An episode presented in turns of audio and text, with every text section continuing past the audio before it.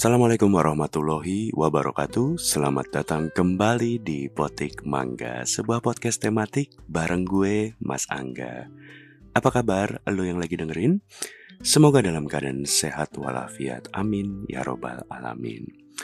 Para pemetik mangga sekalian, terutama buat lo yang Kristen, Potik Mangga mengucapkan selamat hari Natal buat lo semua.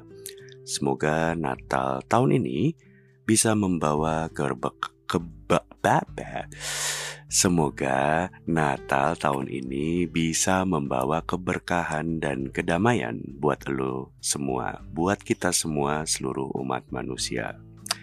Sebagai Muslim, gue tentu nggak pernah merayakan Natal, as in seremonial, juga tentunya sebagai uh, sebuah religi gitu. Maksud gue, gue tentu nggak tahu cara merayakan Natal seperti apa, tata cara merayakan Natal itu seperti apa. Tapi gue membayangkan um, seperti hari besar keagamaan lainnya, Natal itu adalah sebuah hari di mana keluarga berkumpul, uh, bersilaturahmi, uh, apa ya, bersama gitu, bertemu uh, mungkin sanak keluarga lain yang mungkin juga ketemunya setahun sekali gitu. Juga mungkin hari Natal adalah hari di mana um, makan makanan yang setahun sekali yang mungkin gak lo temuin di hari-hari lain. Jadi buat lo yang muslim mungkin ngebayangin kalau Natal itu sejenis lebaran versi umat Kristen tentunya.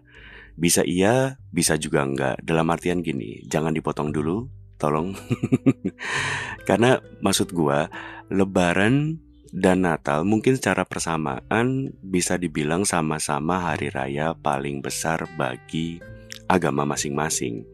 Tapi bedanya lebaran mungkin adalah hari kemenangan adalah uh, lebaran itu adalah hari kemenangan setelah sebulan penuh berpuasa. Sementara Natal adalah hari kelahiran Yesus Kristus Sang Juru Selamat gitu. Karena mungkin buat menjelaskan apa itu Natal yang uh, menjelaskan apa itu Natal kepada lo yang nggak paham apa itu Natal, tentu mungkin bukan hal yang sulit bisa menggunakan penjelasan-penjelasan atau analogi-analogi gitu. Karena gue yakin kalau bahasanya sama, kemudian sama-sama manusia, gue yakin pasti bisa lah kita menjelaskan apa itu Natal. Tapi lo bayangin, lo coba menjelaskan apa itu Natal ke alien, ke makhluk asing, ke orang-orang yang belum pernah ke bumi, juga mungkin ke orang-orang yang gak ngerti apa itu konsep agama. Nah kurang lebih menurut gue itu adalah premis dasar dari film Guardian of the Galaxy Holiday Special. Kurang lebih itu adalah sebuah film Guardian of the Galaxy versi Natal lah kurang lebihnya. Uh, film tersebut sudah tayang di Disney Hotstar. Rilisnya tanggal 25 November 2022, kurang lebih satu bulan persis di dari hari Natal. Jadi um, Guardian of Galaxy itu kan memang sekelompok tim yang berusaha menyelamatkan atau melindungi sebuah galaksi gitu. Dan sebagai satu-satunya manusia dari bumi, bagian dari Guardian of Galaxy, Peter Quill alias Star-Lord, yang juga jadi pimpinan Guardian of the Galaxy tentu nggak pernah merayakan Natal ketika ada di luar angkasa. Karena tentunya sepertinya ajaran Kristus tidak sampai dibawa ke luar negeri ya. Jadi Peter Quill nggak pernah ngerasain masuk mall penuh dengan dekorasi Natal dan lagu-lagu Natal gitu. Jadi nggak pernah punya pohon Natal, nggak pernah ngerasain kumpul bareng keluarga, ngerayain Natal bareng. Makanya menjelaskan Natal itu sendiri kepada anggota Guardian of Galaxy yang lain tentunya mungkin bukan sebuah hal yang gampang. Coba lo bayangin, lo mencoba menjelaskan Natal ke rakun yang bisa ngomong, ke pohon yang cuman bisa ngomong I am Groot, ke mantis, ke Drax, atau ke Nebula, atau bahkan ke Kraglin aja yang mungkin secara bentukan mirip-mirip manusia gitu ya, yang udah bareng Peter Quill dari zaman masih diculik Yondu, masih kecil Peter Quillnya. Kraglin aja masih bingung apa esensi Natal gitu. Dan menurut Kraglin, Yondu adalah sosok yang bikin Peter Quill gak lagi semangat ketika Natal tiba gitu karena Yondu merusak Natal bagi Peter Quill. Walaupun gue nggak ngerti apakah di luar negeri, eh luar negeri kan, di luar angkasa, di universe-nya Guardian of Galaxy, itu tanggalannya sama. Jadi gue nggak tahu apakah Peter Quill masih menggunakan tanggalan yang sama seperti di bumi karena uh, Peter Quill sepertinya tahu kalau di bumi sudah mendekati Desember dan 25 Desember sehingga tahu ini adalah periode Natal gitu. Karena Peter Quill pernah mencoba membuat perayaan Natal ternyata pada saat masih uh, kecil, masih di bawah Yondu, pimpinannya Ravagers. Cuman Yondu ngerasa kalau ini apaan sih gitu karena seorang yang nggak pernah merayakan Natal nggak tahu Natal itu apa. Yondu merasa dan bilang ke Peter Quill kalau kayaknya nggak penting lah perayaan-perayaan kayak gini nggak usah lah ada Natal di kapal gitu. Nah sejak saat itu memang Kreglin merasa Peter ini eh, Natalnya itu dirusak sama Yondu. Jadi Kreglin di suatu kesempatan menceritakan kepada Mantis, kepada Drax yang bilang kalau Peter itu sedih karena Natalnya dirusak sama Yondu. Setelah menceritakan apa itu Natal ke Drax dan Mantis, Drax dan Mantis mencoba membuat atau ingin memperbaiki Natal ke Peter Quill karena dianggapnya Natal adalah sebuah selebrasi yang penting bagi Peter Quill. Mereka ingin membahagiakan Peter Quill jadi Drax dan Mantis mencoba memberikan Natal ke Peter Quill. Tahu dari Craiglin kalau Natal itu adalah memberikan kado. Maka tanpa pikir panjang Drax sama Mantis itu pengen ngasih kado ke Peter Quill dan kado yang paling keren tentunya adalah kado yang paling disuka dan Peter Quill paling suka sama um, film Footloose. Jadi kalau lo inget Peter Quill itu paling suka sama Kevin Bacon. Kevin Bacon itu aktor Hollywood yang main Footloose, film kesukaannya Quill, aktor favoritnya Quill. Nah makanya Drake sama Mantis mencoba memberikan apa yang Quill paling suka dan mereka cabut ke bumi, diculiklah Kevin Bacon, kemudian dibawa keluar angkasa, dikasih ke Peter Quill sebagai hadiah Natal. Itu sebuah adegan yang lucu banget menurut gua sih.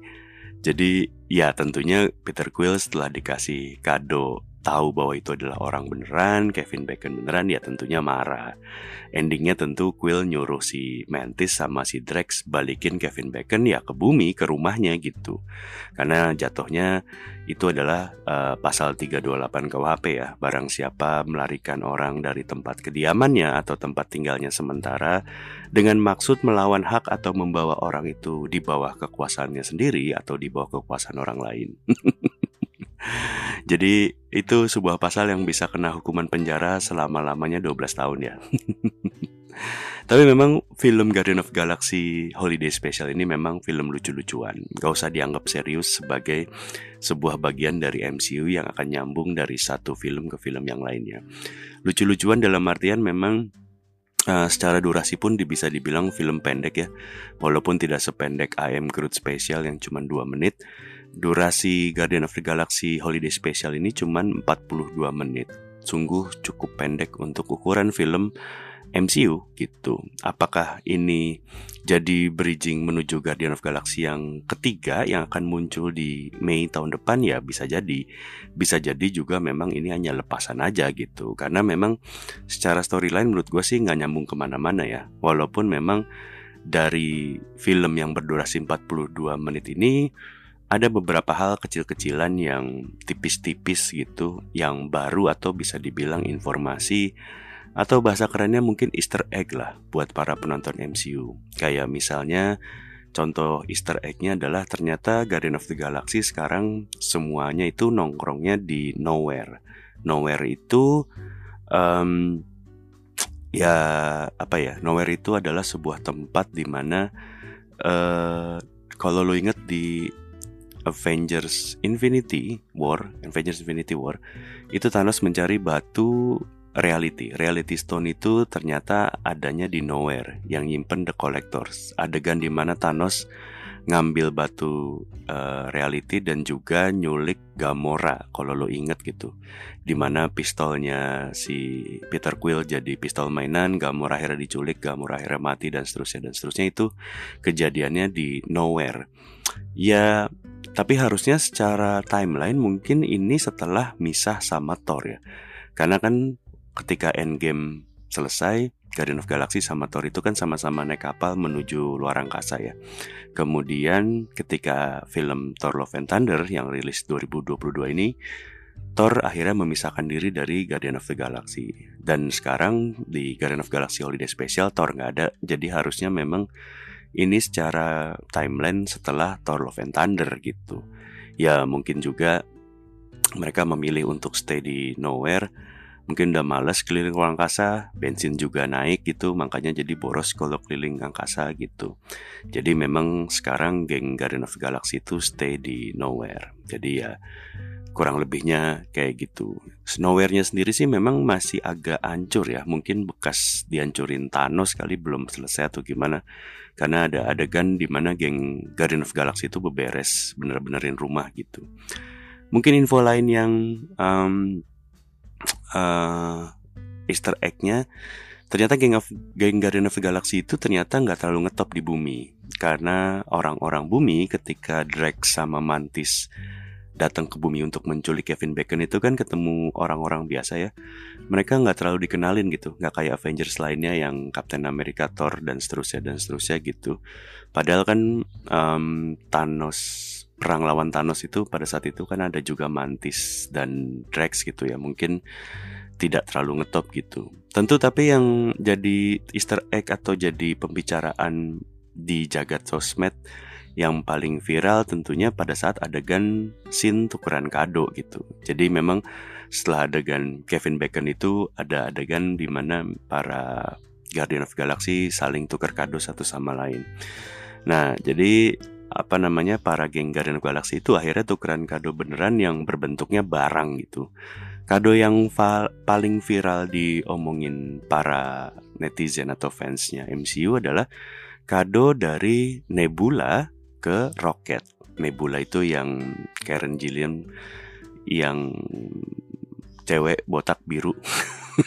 Kalau lo nggak tahu Marvel dan nggak apa nama-namanya, jadi si Nebula itu ngasih kado ke Rocket. Rocket itu yang rakun bisa ngomong, yang apa namanya?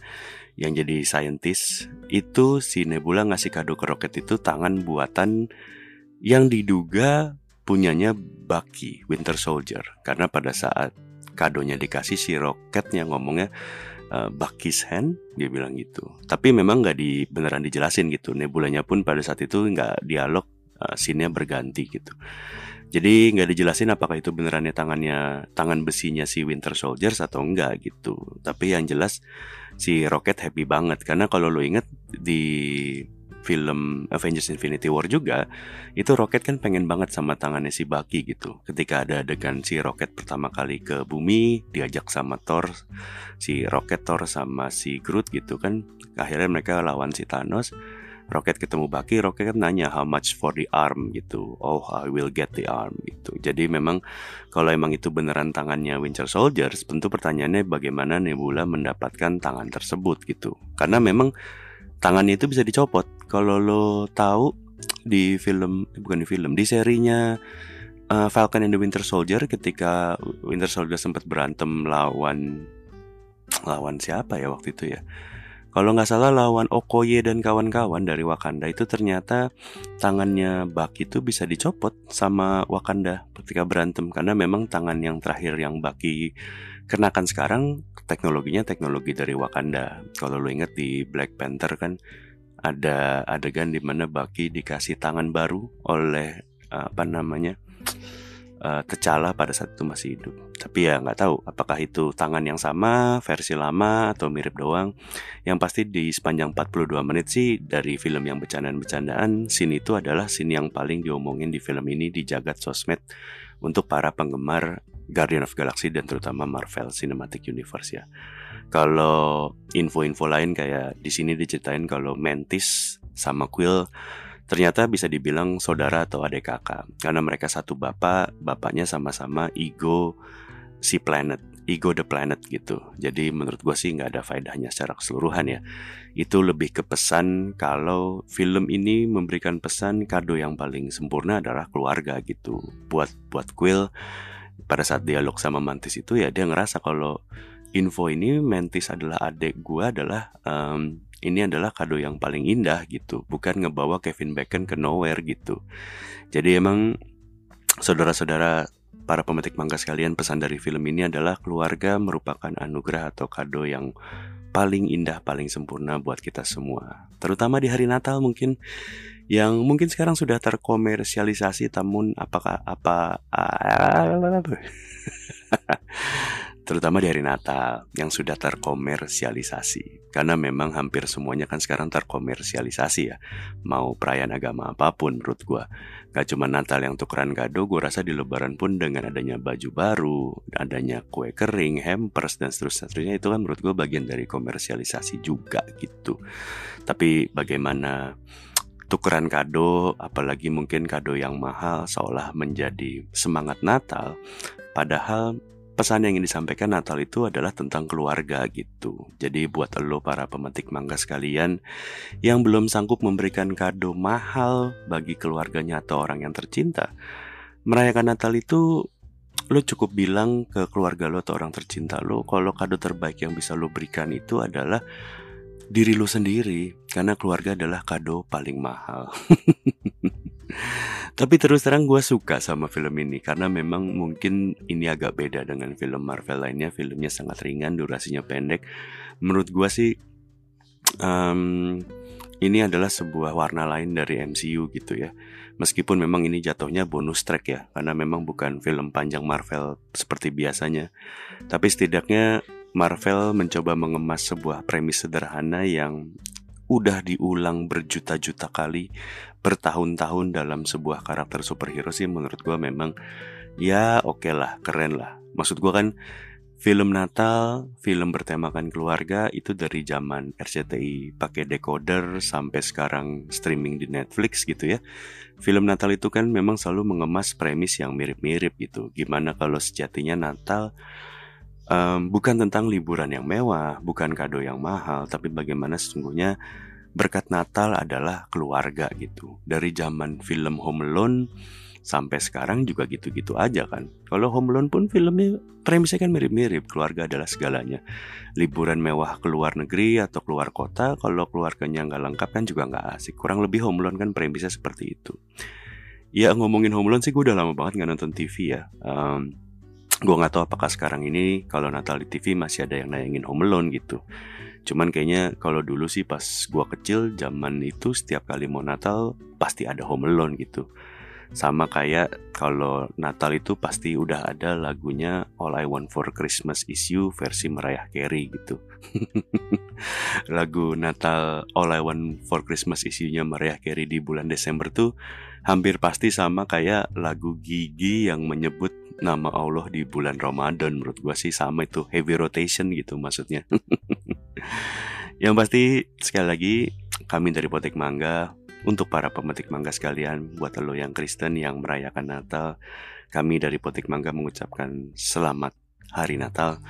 Selamat berbahagia bersama orang-orang tercinta. Selamat berlibur buat lo yang liburan.